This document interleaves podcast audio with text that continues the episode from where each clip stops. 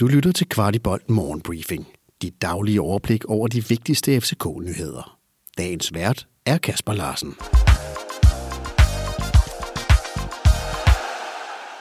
Tirsdag den 10.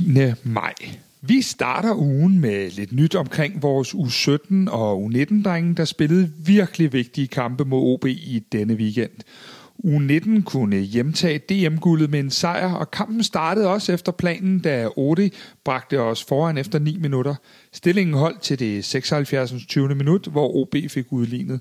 Dermed må U19-drengene minimum vente en uge længere, indtil de kan kalde sig danske mestre. Her møder vi AGF, og en sejr udløser guldet. Kampen spilles for øvrigt på KB kl. 12 på lørdag, så hvis du ikke har andet at lave, så kom da lige ud og tjek den kamp ud, fordi det er da virkelig en kamp, man ikke vil gå glip af. U17-drengene var i en slags direkte duel, også mod OB om titlen. Kampen endte 1-1, og dermed skulle det hele afgøres på straffe, hvilket er en forsøgsordning i uge 17-rækken. Den vandt OB, og dermed var der et point til os og to til OB. Resultatet betyder, at vores drenge fører rækken med to point ned til OB, og der resterer fem kampe, før der kan kores en dansk mester i uge 17-rækken.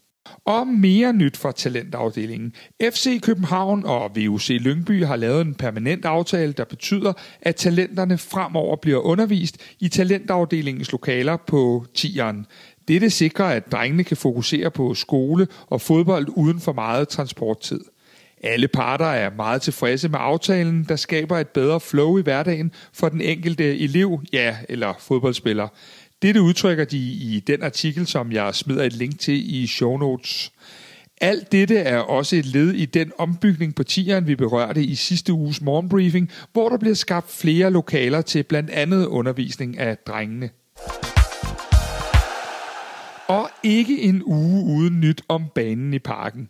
Lørdag aften blev der afholdt en firmafest, og efter kampen i Brøndby blev cheftræner Jes Torup spurgt ind til, hvordan vi kunne forvente, at banen så ud onsdag. Det ville Jes ikke forholde sig til lige på bagkant af det uafgjorte resultat.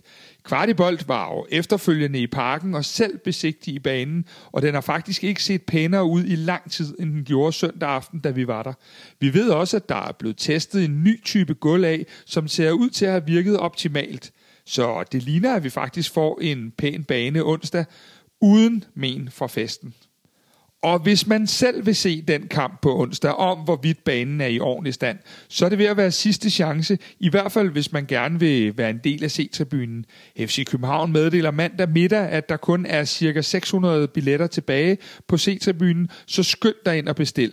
Der kan næppe være tvivl om, at der er brug for alle i den tilspidsede situation omkring det danske mesterskab, der er afgjort om 12 dage. Ja, jeg sagde 12 dage.